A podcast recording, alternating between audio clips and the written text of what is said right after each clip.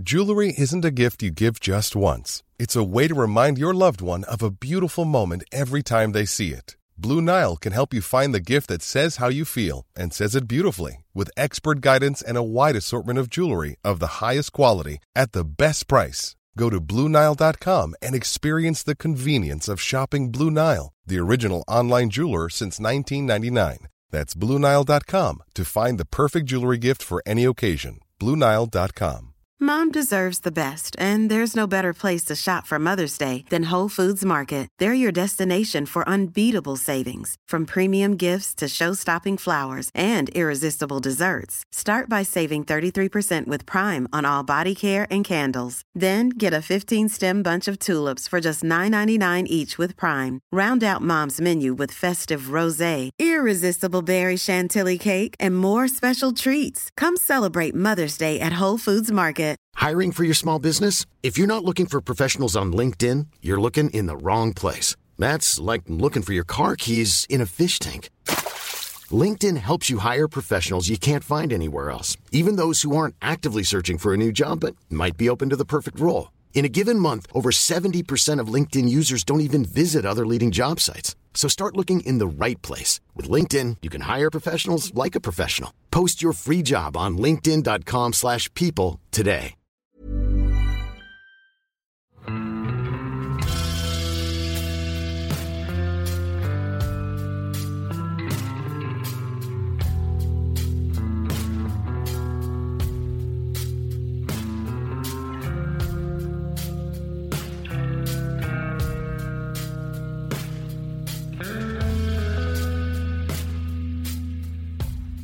Hei og velkommen til podkasten Uteliv.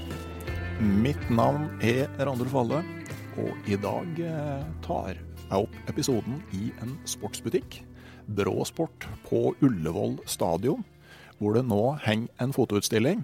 Og med meg har jeg fotografen Tormod Granheim. Og kan du kanskje fortelle litt om utstillinga vi sitter og ser på her? Ja, jeg har jo hatt med meg kamera på tur i, i mange, mange år. Eh, men det har jo ofte vært snapshots som jeg har fanget. Og så hadde jeg lyst til å eh, rett og slett fange mye av den ja, blandede følelsene som jeg har i fjellet. Jeg elsker jo å være i fjellet, og jeg er veldig forført av vakre fjell. Men samtidig så har jeg en veldig respekt for fjellene. Jeg hadde lyst til å få frem de to følelsene i det samme bildet. Så eh, her har jeg samlet noen bilder som jeg føler at eh, forteller den typen historie. Kan du beskrive litt? Altså, det er ganske store bilder, sånn en snau meter i, i hver retning. Det er svart-hvitt, og det er store fjell, og det er fra Chamonix, ikke sant? Ja, alle disse bildene er fra Chamonix, og de er i størrelsen medium. Jeg har også laget en mindre størrelse, ingen av de er her. Og så har jeg laget en eh, større størrelse. De er da ca. 1,70 på langsiden. Eh, men de er heller ikke her. For de fikk jeg ikke plass til. Eh, Men eh, når du sier liksom at du skal fange måte både eh, sånn måte, eh, det vakre, men òg liksom den respekten og frykten. Altså, hvordan har du gått fram da? Jeg har tatt utgangspunkt i eh, en del ganske kjente motiver, sånn som f.eks. Uh, Petit Dru og Agivert, som er eh, fjell som er godt synlig nede fra Chamonix. Og, og ikke minst hvis man eh, reiser litt opp i fjellet, og da kan du bruke f.eks. toget opp til Montanvert, eller du kan bruke heisene eh, på Brevant Flecher-siden. Så dette er noe alle ser og alle har tilgang til. Um, men samtidig så hadde jeg lyst til å eh, ta bildene akkurat idet været kommer inn, og liksom går fra å være harmløs da, eh, til litt vanskelig. Og, og, og dermed så får man også tak i den dynamikken mellom det tilgjengelige og det utilgjengelige. For disse motivene altså Det er jo veldig lett å ta seg til disse fellene. Eh, men det er kanskje ikke så lett å klatre opp på de.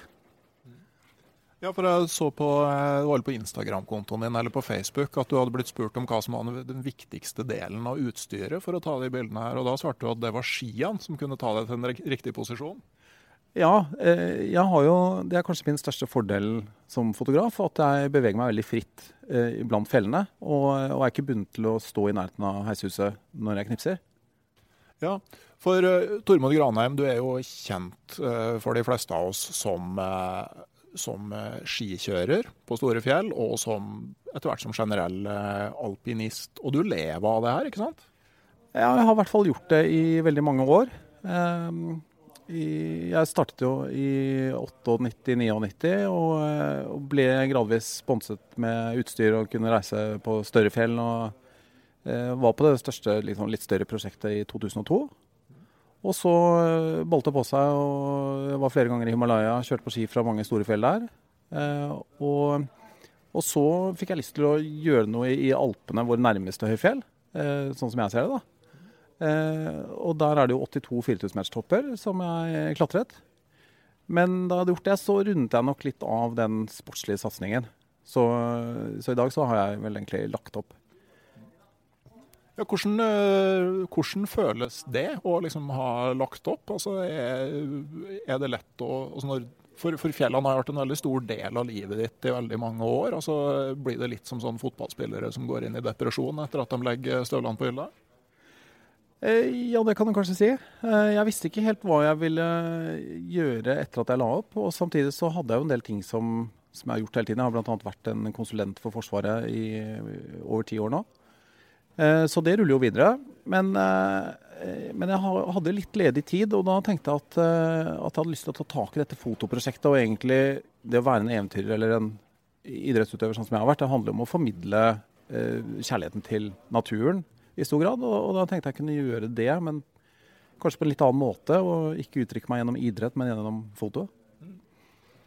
Men jeg har lyst til å gå enda litt lenger tilbake. altså sånn på en måte, Hvis du ser altså, din vei eh, fram til liksom, eh, å være profesjonell eh, skikjører. altså hvordan, eh, Hvis du ser tilbake mot barndom og sånne ting, altså hvordan var veien dit? Ja, Det er faktisk et spørsmål som jeg har tenkt litt på forleden dag. Eh, og For da jeg var liten, så var jeg jo den gærneste gutten i gata. Um, og, og, det ga jo på en måte en ganske god selvtillit også innenfor idrett. da. Um, vi hadde sånn løp blant annet da jeg gikk på barneskolen, og det vant jeg over alle de andre på hele skolen. Um, og jeg var først til å innføre skøyting da vi gikk langrenn i gymmen. Det, og det syntes de andre var dårlig stil, og det, var liksom, det sier kanskje litt om at jeg begynner å dra på åra. Men, men um, eh, så Og, det, og det, det her fortsatte liksom. Jeg var leder for uh, skiklubben da jeg studerte og en del sånne ting. da, var, Brukte veldig mye tid uh, på fjellsport og også på elvepadling.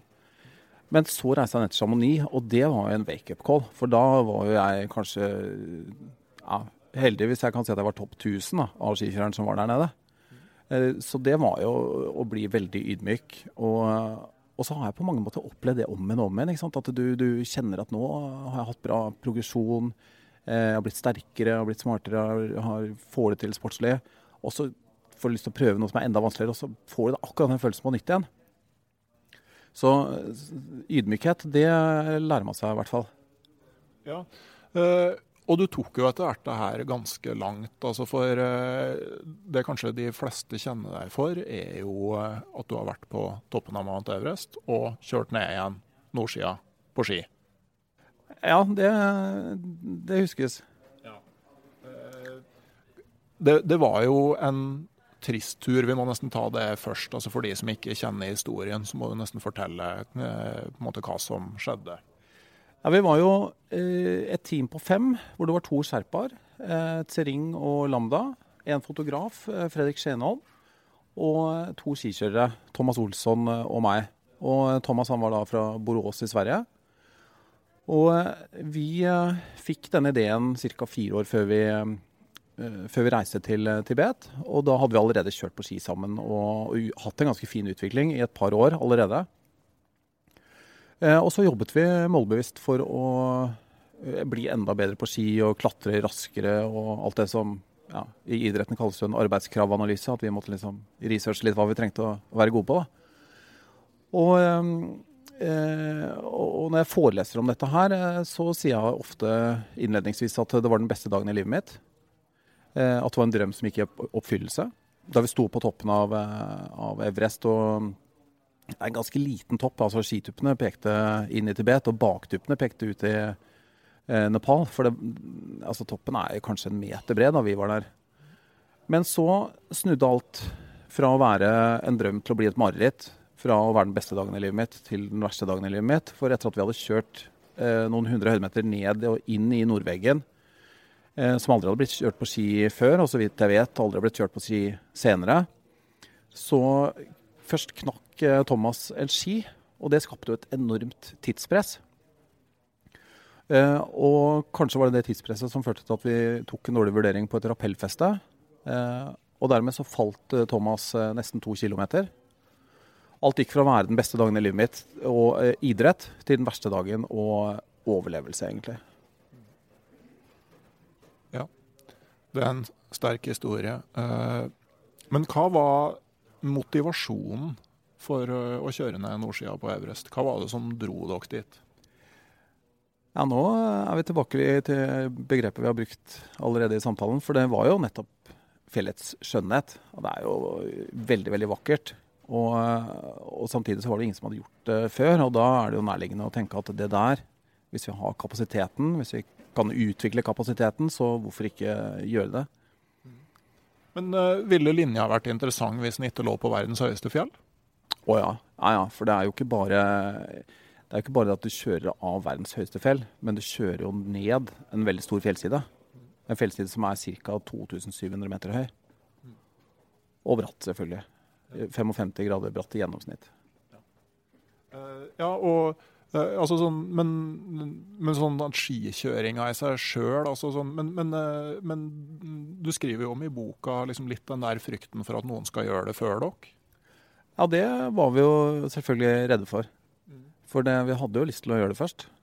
Eh, det var jo litt av motivasjonen. Det er jo en typisk motivasjon for alle sånne eventyrsprosjekter. Da, være seg om det er sportsklatring, eh, eller om det er å gå over Nordpolen.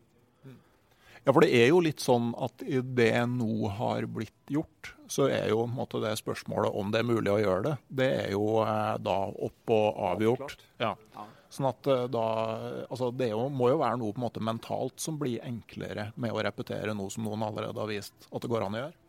Ja, det er jo helt uh, opplagt. Og, og det er derfor det er spennende å gjøre det først. For da tar man det ekstra skrittet. Da. Uh, Man bryter den barrieren. Men samtidig så er det jo, hvis vi ser på eventyr generelt, så, så er det jo ekstremt mange eventyr som egentlig bare er inkrementelle eh, skritt forover. Eh, og det tror jeg bare vi kommer til å se mer og mer av. Ja, for det er vel også en naturlig konsekvens av at mer og mer er gjort. Sånn at du må bare gjøre litt mer eller en liten vri. Ja, jeg tror det, det er dit vi har kommet. Men det åpner også litt for, for at man kanskje kan være mer sportslig i tilnærmingen. da. Fordi at såpass mye er kjent. og Vi har jo et eksempel, ja, vi flere eksempler nå på ganske spennende skikjørere i storfjellet. Eh, som, som drar tilbake og gjør ting som før liksom var man er helt avhengig av å ha lav fart da, for å kunne ta seg ned de fjellsidene. Og nå kommer de med super-G-svinger.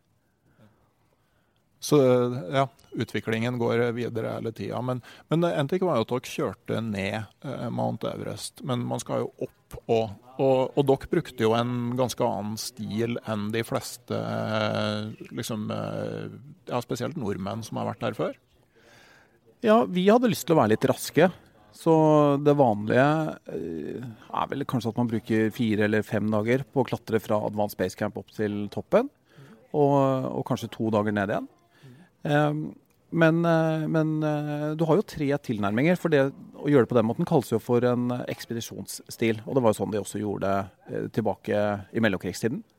Eh, Reinhold Messner og, og hans likemenn de introduserte jo den alpine stilen, hvor man klatret eh, mye mer i én kontinuerlig bevegelse, eh, og kanskje uten skjerpa support. Og, og med, kanskje med det samme utstyret. Du hadde med, bare med deg ett telt i stedet for å etablere en masse teltleirer som perler på en snor.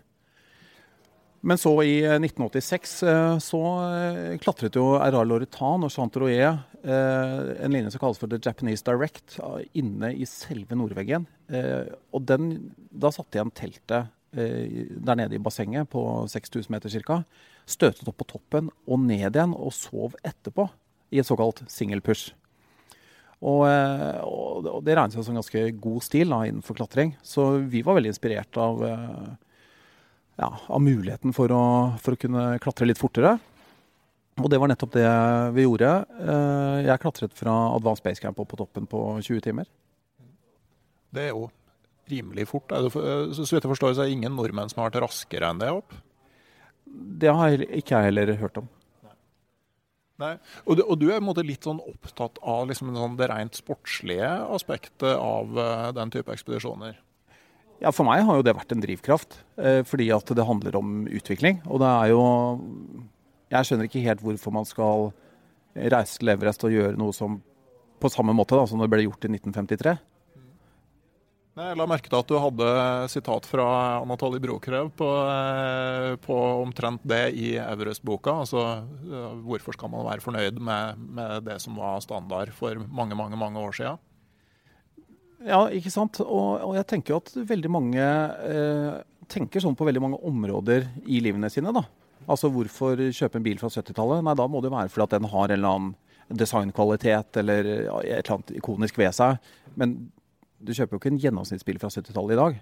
Eh, du kjøper heller noe moderne. og samme, altså Hvorfor skal du Nei, men Bare se hvor, hvordan liksom folk engasjerer seg i så mange områder av livet. da, På hele tiden å prøve nye ting, kanskje bedre enn i går. Men så når det kommer til sånne ting, så, så, så er jeg litt nysgjerrig på hvorfor ikke folk eh, Ja. Hvorfor ikke det er flere da, som, som presser på litt mer. Ja, for Hvis du ser på sånn tidlig Everest-historie, altså sånn eh, med da Messner og han polakken som ble nummer to på alle 14 altså Hvis du ser på bestigningslista hans, så var det jo liksom vinterbestigninger og førstebestigninger og nye ruter. og altså, Det var ikke snakk om å ta enkleste vei til alle fjellene, sjøl om du samtidig egentlig var litt i konkurranse om å komme først på alle 14. Nei, de gutta der var idrettsutøvere. Når det er sagt, så syns jeg det er viktig å eh, åpne opp for at altså Tenk på de fantastiske turopplevelsene man kan ha på disse stedene. Alle trenger jo ikke å ha med stoppeklokke når de er ute på tur. Det er ikke, absolutt ikke min agenda å, å kjøre frem at, at, vi skal ha en sånn stoppeklokke-friluftsliv. Nei, Men det er jo et interessant perspektiv. da, det at du liksom, eh, For, for min del så er det på en måte veldig fjernt å se friluftsliv i et sånn eh, sportsperspektiv. Men, men det er jo interessant å høre at, du, at det liksom er en tanke for deg. Jeg har helt sikkert blitt påvirket av at jeg har vært så mye i Alpene. Hvor eh, vi har veldig god kontroll over hvor lang tid eh, er det mulig da, eh, på godt føre å klatre opp til Mont Blanc fra byen, eller Og så er det jo den sammenblandingen. og Vi har jo dette ultraløpingen f.eks. som løp for eksempel, som går 169 km rundt Mont Blanc. Og, og, man kan jo ikke ikke forholde seg til det. Du blir jo på en måte eh, om ikke påvirket av det, så i hvert fall så kjenner man liksom litt på de tidene, og hvem er de menneskene som gjør det, og hvordan kan det påvirke meg? Og, og det er kanskje også tanker som jeg har tatt litt med meg videre i forhold til å klatre i Alpene. Og, og, det er jo ikke så forskjellig fra så vet, sånn som folk som bruker sånn treningsapper apper sånn som Strava. Og, altså sånn På terrengsykkel så har du jo sånne der topplister på forskjellige ruter og sånne ting. Så det, det, man ser det jo på andre deler av, av eh, idrett og friluftsliv òg. Ja, definitivt. Og du har jo også et sånt fenomen som kanskje går veldig dypt inn i friluftslivet og blander da idretten inn, er jo sånn fastest known times på lange stier type Appalachian Trail og, og sånt finnes det jo for nesten hver eneste lille sti nå. Ja. Og for så vidt òg typisk sånn på Sørpolen, da, når, eh, når det utfordringen ikke nødvendigvis lenger er å komme seg dit, så blir da konkurransen om å komme seg dit fortest mulig. Ja, det er vel en naturlig utvikling. Men eh, etter Everest, eh, kan du si litt? Altså da, da var det Alpene som ble fokusområdet ditt? Uh, ja, nå snakket vi jo litt før du skrudde på mikken om at uh, jeg også var jo seilt over Atlanterhavet. Og det gjorde jeg jo først. Ja, ja det må du jo fortelle om. Um, da uh, visste jeg ikke helt hva jeg skulle gjøre etter at jeg hadde vært på Everest. Og så hadde jeg en sponsor som drev med, med sånn satellittkommunikasjon. Og de hadde fått en henvendelse fra en tysker. En, I utgangspunktet en doktorgrad student som jobbet med botanikk. Og grunnen til at han har valgt det faget, var for å kartlegge hvordan planter da har, eh, har eh, flyttet seg eh, gjennom tidene. Og grunnen til at han har valgt det eh, faget, det var fordi han mente at det var det mest relevante for å bli en slags vår tids eh, Thor Heyerdahl. For han elsket Thor Heyerdahl. Han var veldig fascinert av det Heyerdahl hadde gjort med, med særlig flåteferder, og, og, kanskje særlig sivflåteferder. da. Så For Heyerdahl var jo kanskje mest kjent for Kon-Tiki, men han var jo også veldig godt kjent for Ra og Tigris. Eh, og med Ra nummer både én og to så forsøkte han å seile fra eh, vår del av verden, fra kall det Europa, da, over til Amerika. Og eh, ideen til denne Dominic det var at eh, han hadde lyst til å seile i motsatt retning eh, på Nord-Atlanteren med, med, Golfstrømmen. Og det er mye vanskeligere enn å seile i Kanaristrømmen. Fordi at alt det kalde vannet som eh, drar seg ned fra Nordpolen, det blander seg med dette varme vannet og skaper en masse bakever ute i havet. Eh, så du må vite hva du holder på med.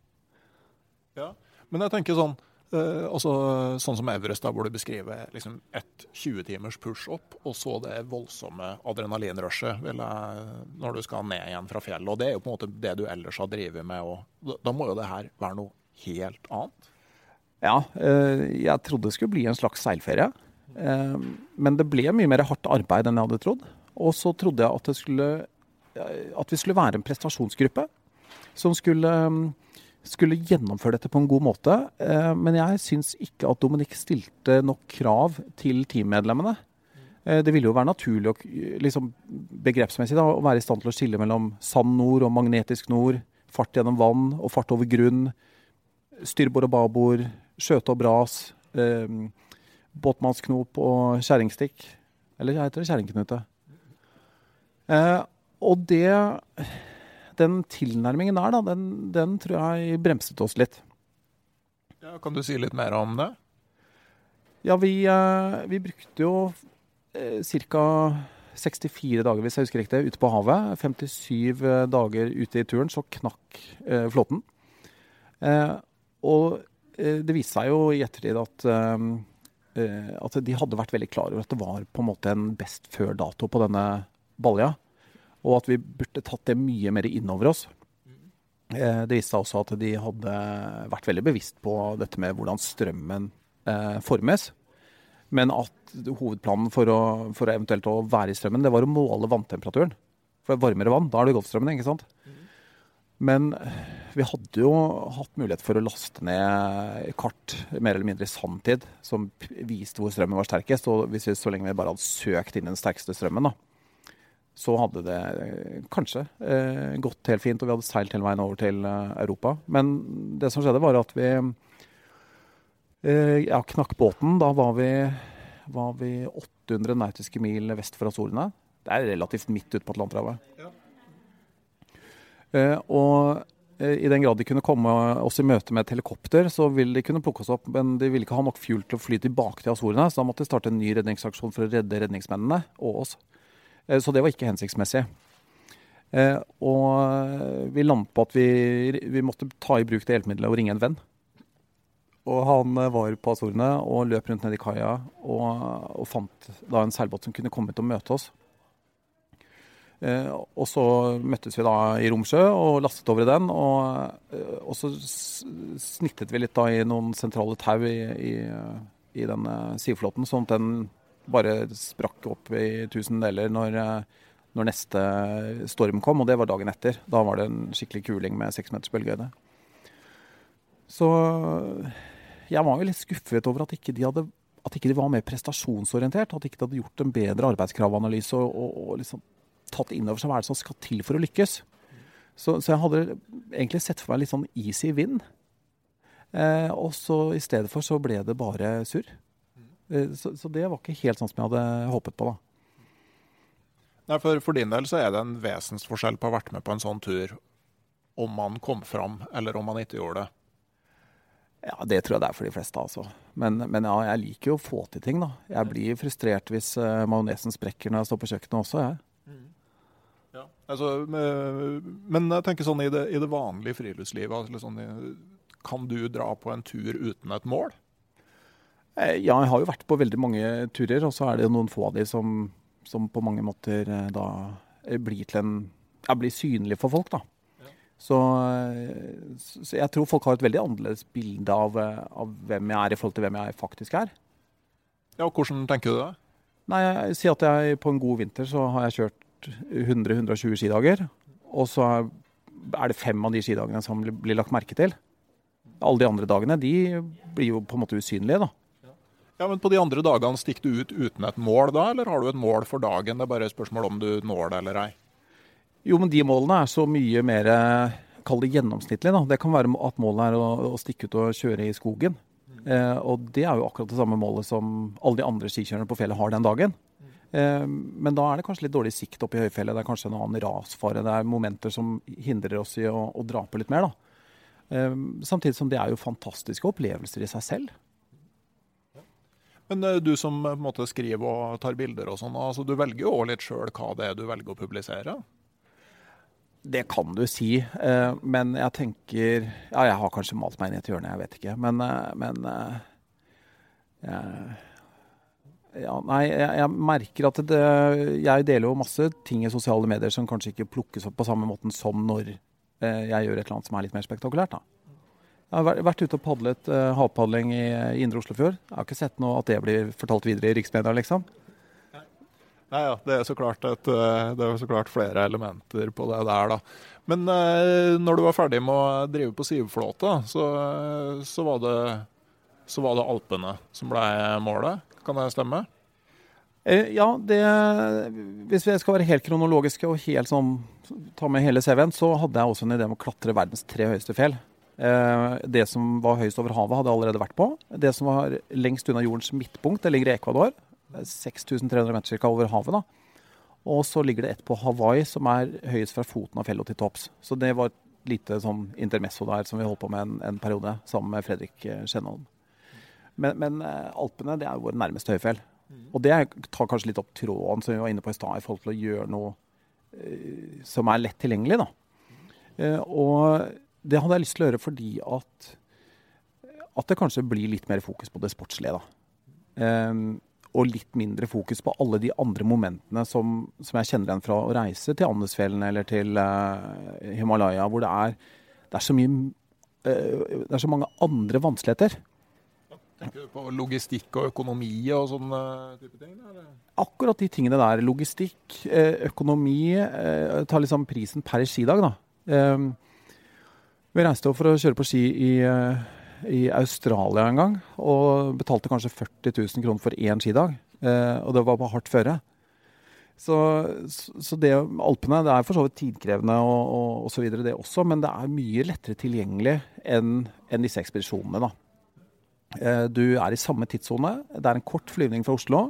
Når du først er der, så har du kanskje mer tid, da, uten at du trenger å, å flytte deg så mye rundt. Eh, og, det gir jo tid til å være i fjellet og gjøre aktiviteten, i stedet for å bruke tiden på logistikk eh, og, og, tidsforskjeller og kanskje det, det er fantastisk å være i, i Nepal og Tibet, og sånn, men det er også litt sånn primitivt. Da. Du, du er bekymret for å bli syk, f.eks.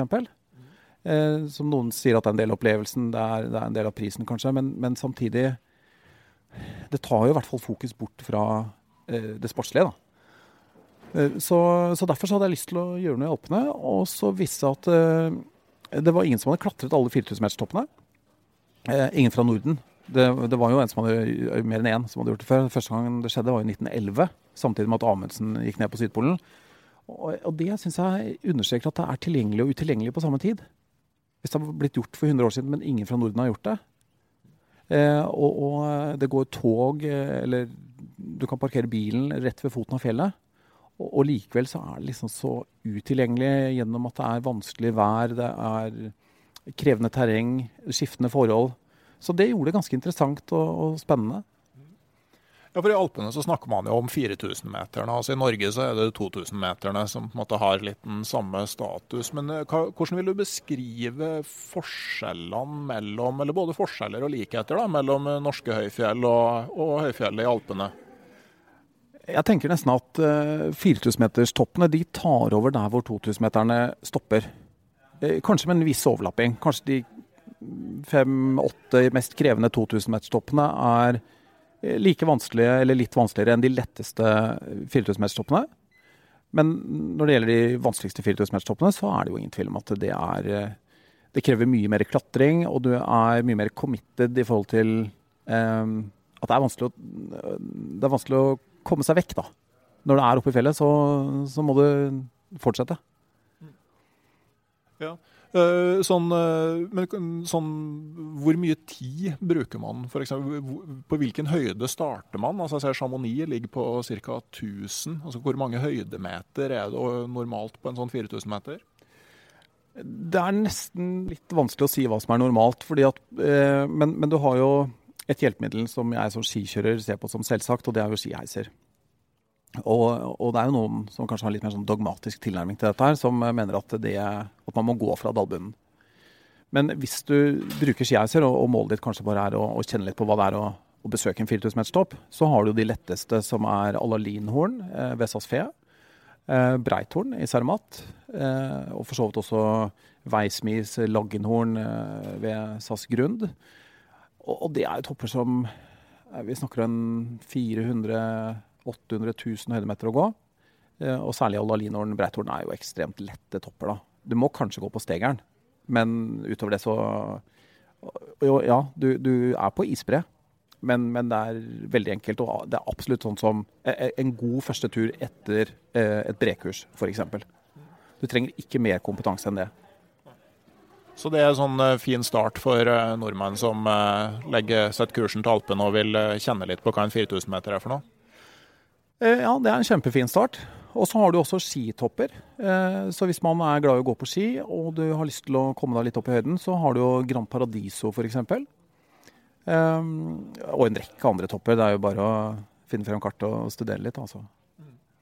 Men er det noe man på en måte skal være obs på at det er vesentlig annerledes når man er i Alpene? Hva kjenner, kjenner man høyden, f.eks.?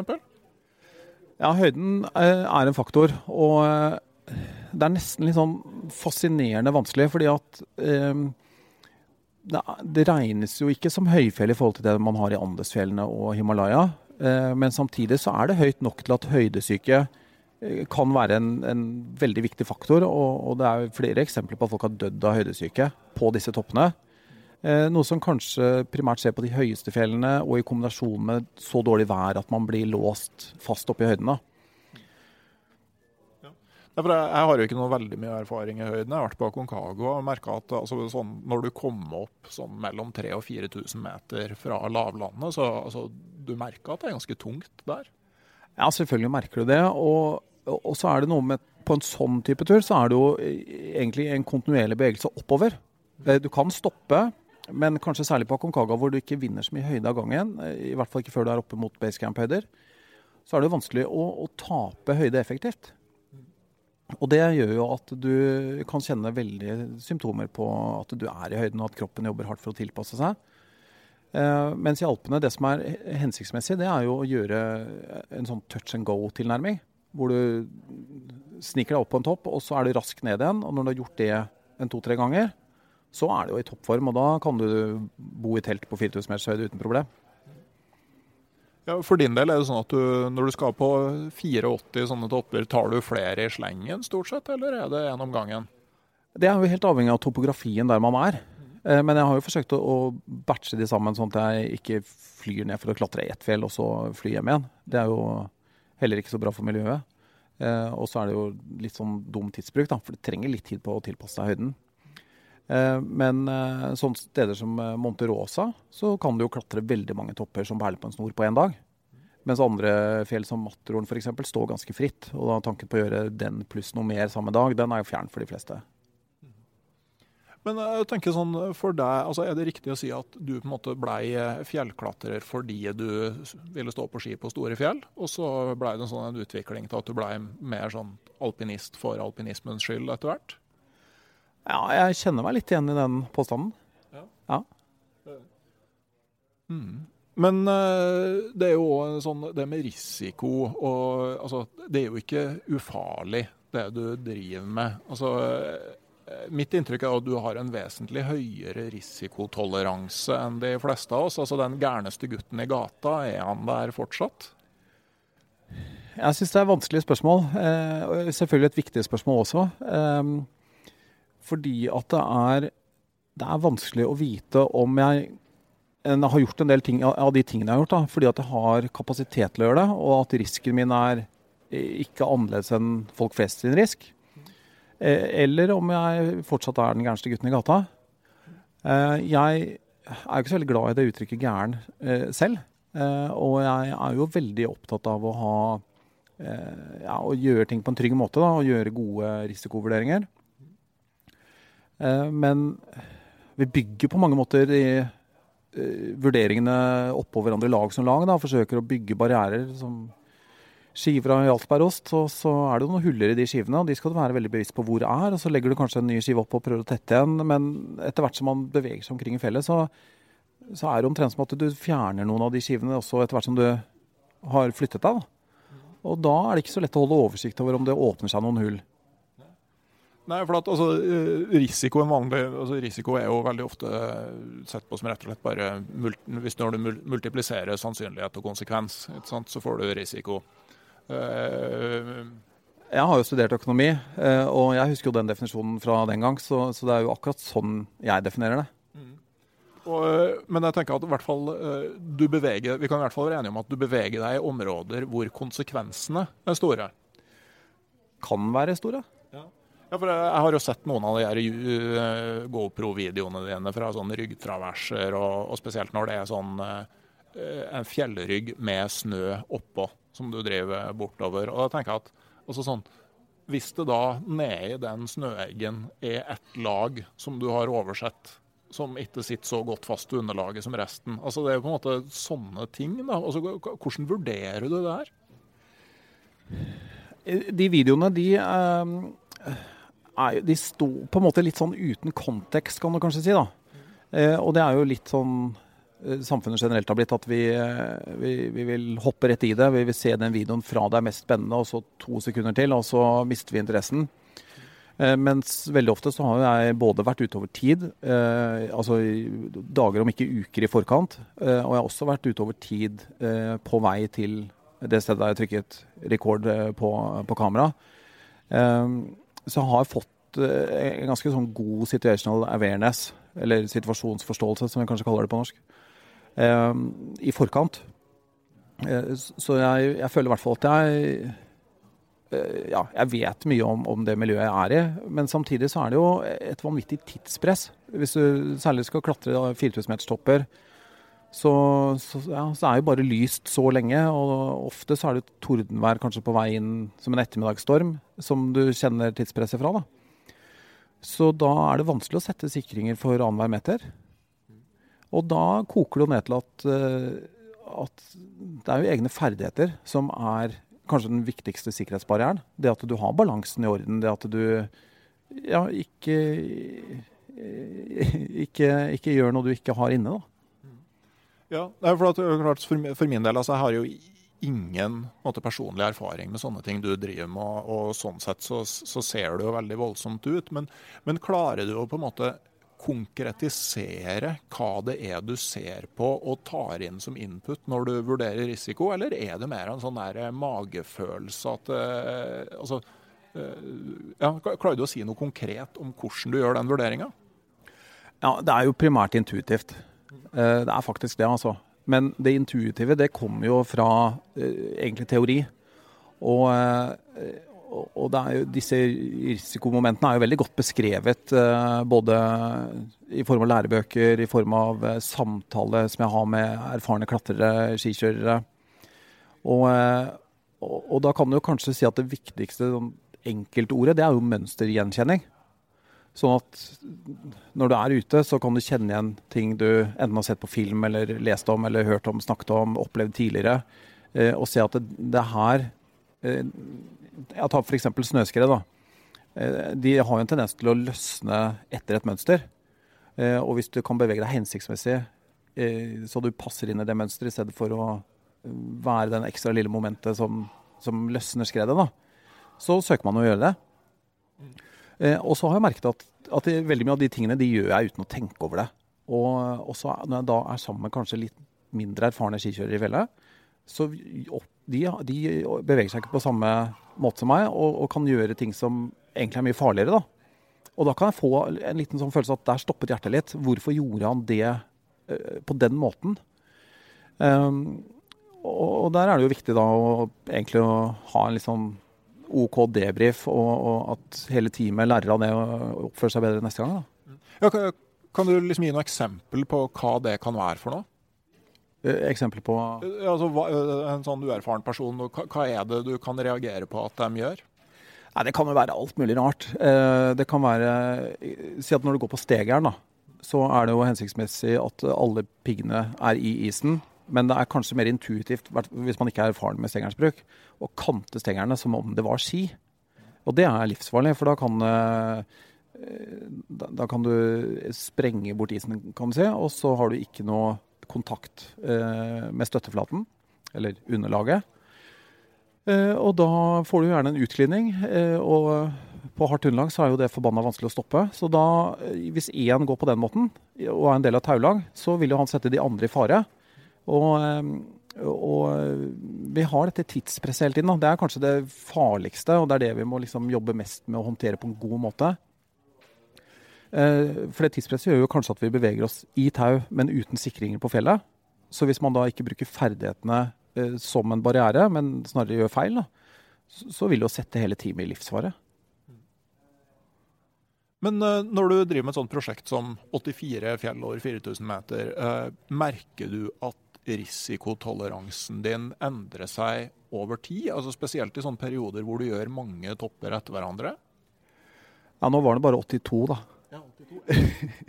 um, ja, det er et godt spørsmål, altså. Um, jeg, jeg tror man har det er, det er jo ikke så lett å merke det selv. Uh, og der er jo igjen, kall det teori, da, uh, veldig nyttig. For du har jo um, en ganske sånn konsensus rundt dette at det mer current du er, og det, og det mer erfaring du har bygget opp, det tryggere eh, kan du operere. Eh, men på den andre siden så kan det også bli complacent. Eh, nemlig litt sånn fartsblind, kan man kanskje kalle det på norsk. da, Hvor du ignorerer eh, ting som du ellers burde ha lagt merke til, og som, som er en del av risikobildet. Og da eh, tenker jeg at det er den bevisstheten eh, og det å kunne sette ord på det som kanskje hjelper oss mot complacency og, og til å fortsette å være eh, på alerten. Ja. For at jeg kanskje merka det sånn, jeg har vært på tur veldig lenge om gangen. Altså Sånn som når Bengt Rotmo og jeg gikk gjennom Nordvestpassasjen. At du merker at helt på slutten, liksom når du nærmer deg dag nummer 100, så kan du gjøre ting som jeg i ettertid tenkte at det hadde vi aldri gjort den første uka. Men jeg tror det er, det er kanskje litt av den complacency-tingen, at du glemmer hvorfor du gjør ting. Eh, og, og eh, en ting som jeg har tatt meg selv i et par ganger, det, er, og det høres jo helt banalt ut, da, men eh, når du er oppe i fjellet, så er jo alt du har med deg, viktig. Eh, og så tar du kanskje av deg hanskene for å tisse, og da pleier jeg å låse de fast under eh, i armhulen. Eh, og hvis du da er litt uoppmerksom, så har du jo glemt det når du tar igjen smekken. Så, og, og i vinden da, så risikerer du å miste hanskene dine på ett sekund. Eh, Og da, da er du jo ganske ille ute, da. Eh, og sånn sett, jeg pleier jo Det er et par ting jeg har med, har med mer av. da. Det er jo ofte hansker eh, og, og briller. For det er liksom Mister du det, så er du fucked. Men jeg tenker, før dere dro til Everest, så gjorde dere jo sikkert en del sånn vurderinger av risikoen. Eh, har du tenkt på på en måte hvordan ser du på dem i retrospekt i dag, såpass mange år seinere? Ja, Det der er et veldig stort spørsmål. Eh, fordi at eh, Når man har gjort en feil, så er det jo eh, Og det opplever jeg at vi gjorde. eh, så er det jo spennende å spørre seg hvorfor skjedde det. Og eh, ja, samtidig så er det jo også et spennende spørsmål om det var det liksom var det nødt til å skje, eller hvis vi hadde gjort dette om igjen 100 ganger, hadde det gått bra de 99 andre gangene?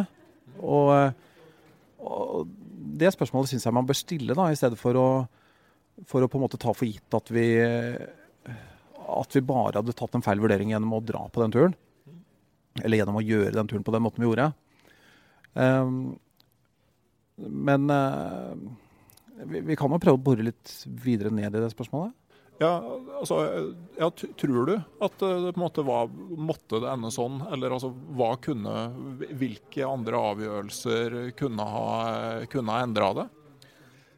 Nei, Det viste seg jo eh, i ettertid at eh, eh, Thomas hadde flyttet bindingen på de skiene han brukte. Eh, og han hadde kjørt på et par mye stivere ski enn det jeg gjorde.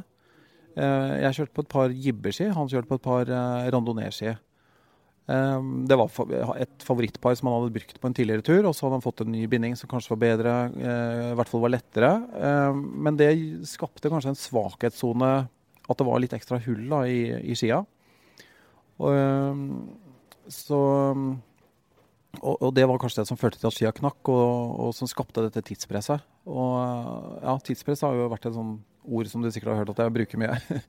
som jeg har kjent mye på, og mener at det Eh, hvordan kan vi stå imot press, er jo et veldig viktig spørsmål. Og, og, hvordan kan du forsøke å unngå at det oppstår press, da. Eh, er et viktig spørsmål. Det er nok kanskje den enkelttingen som eh, Hvis det hadde vært annerledes, så hadde kanskje ikke noe av dette skjedd. Og så hadde vi bare kjørt på ski ned begge to.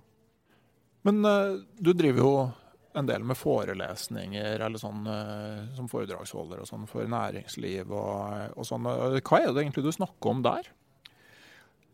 Ja, det, det er jo et godt spørsmål. Eh, for tilsynelatende så snakker jeg om det samme hver gang. Eh, og da ville jo svaret vært at jeg snakker om fjellsport.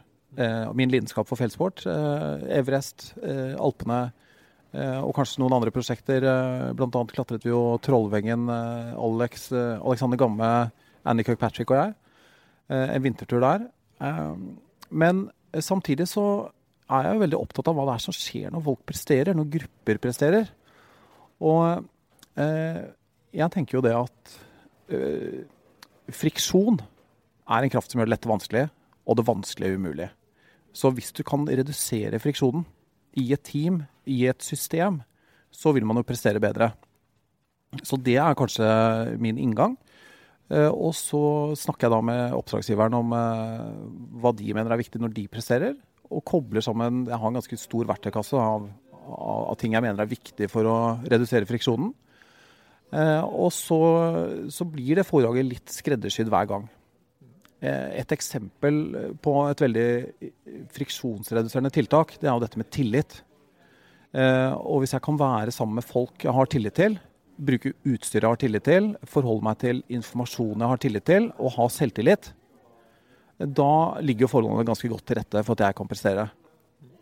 Eh, så det kan jo være et eksempel på, på noe utover selve fjellsporten, da, som jeg snakker om. Men nå, etter 4000-meteren eh, i Alpene, så har du altså da og nå retta eh, blikket gjennom fotoapparatet i større grad. Altså, du har jo alltid drevet med det. og så et, at du skrev i Everest-boka at du egentlig i utgangspunktet ikke likte å skrive, men at, den, at du både har lært å mestre det og, og like det etter hvert? Ja, eh, jeg hadde faktisk et håp da jeg var yngre at jeg kunne At, at foto skulle liksom være det som jeg holdt på med. Og, eh, og det var også derfor jeg reiste ned til Alpene. Jeg kjøpte en hel del fotoutstyr, dro ned dit, hadde en idé om at jeg kunne ta skibilder. Eh, og tok masse bra bilder. Eh, men så passet jeg kanskje enda bedre foran kamera, og brukte 15 år der. Så dette er på en måte et comeback da, til å, å, komme seg bak eh, kameraet igjen. Er det òg liksom Altså, hvis man skal drive på en måte den sportslige retningen og det med ja, brattere og større og raskere og sånne ting, altså er det, er det et steg til side i stedet for å fortsette på samme retning? Ja, det er det kanskje. Eh, det er jo en måte å være i nærheten av de fellene og miljøene som jeg er veldig glad i. Eh, men kanskje eh, forsøke å finne utfordringer da, på et litt annet område. Men da, Fortell litt da, om bildene vi, vi ser fra sofakroken vår her på, på Bråsport. Ja, Hvis vi starter til høyre her, så, så, er det et bilde som jeg kaller for The First Storm.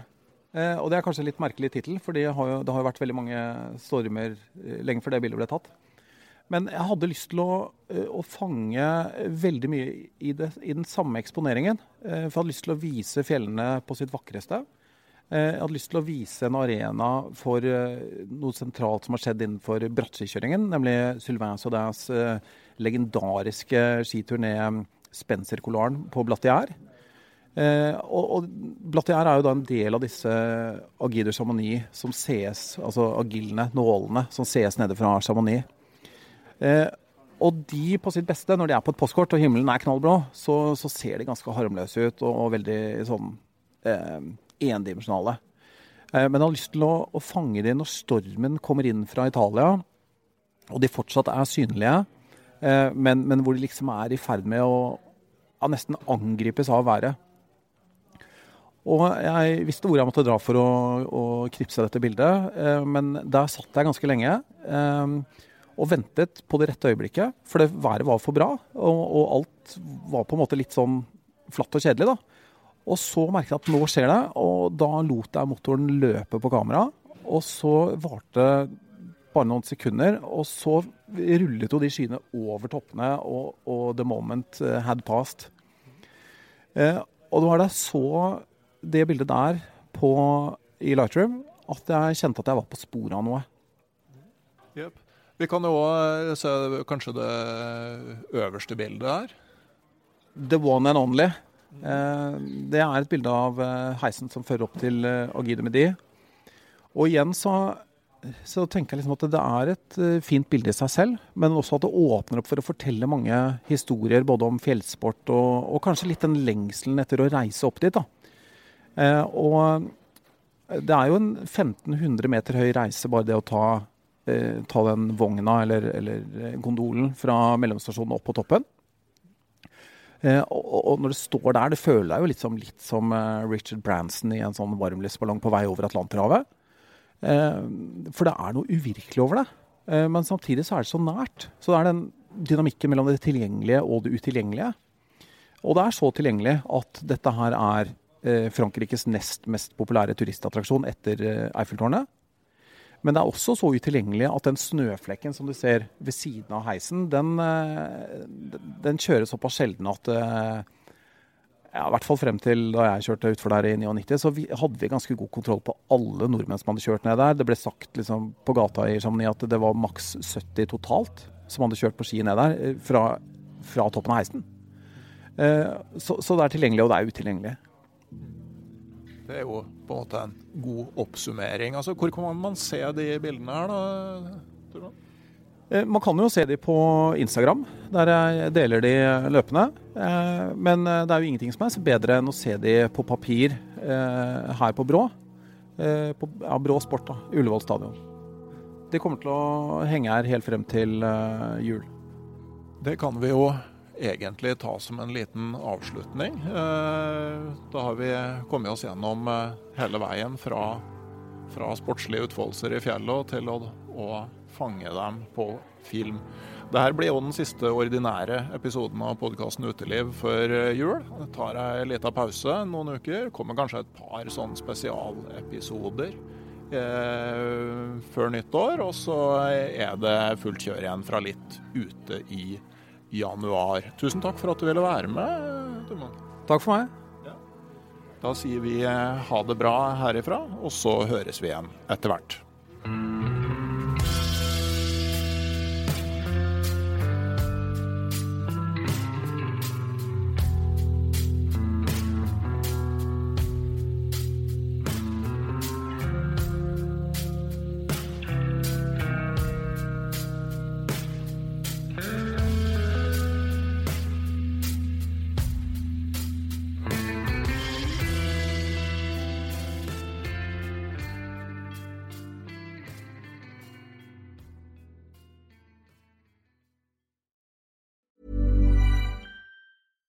Deserves the best, and there's no better place to shop for Mother's Day than Whole Foods Market. They're your destination for unbeatable savings, from premium gifts to show-stopping flowers and irresistible desserts. Start by saving 33% with Prime on all body care and candles. Then get a 15-stem bunch of tulips for just $9.99 each with Prime. Round out Mom's menu with festive rosé, irresistible berry chantilly cake, and more special treats. Come celebrate Mother's Day at Whole Foods Market. Even on a budget, quality is non-negotiable. That's why Quince is the place to score high-end essentials at 50 to 80% less than similar brands. Get your hands on buttery soft cashmere sweaters from just 60 bucks, Italian leather jackets, and so much more. And the best part about Quince, they exclusively partner with factories committed to safe, ethical, and responsible manufacturing. Elevate your style without the elevated price tag with Quince. Go to quince.com slash upgrade for free shipping and 365-day returns. Mom deserves the best, and there's no better place to shop for Mother's Day than Whole Foods Market. They're your destination for unbeatable savings, from premium gifts to show-stopping flowers and irresistible desserts. Start by saving 33% with Prime on all body care and candles. Then get a 15-stem bunch of tulips for just $9.99 each with Prime. Round out Mom's menu with festive rosé, irresistible berry chantilly cake, and more special treats. Come celebrate Mother's Day at Whole Foods Market. Hei, jeg heter Nore Helligsen og er daglig leder i Barents Outdoor.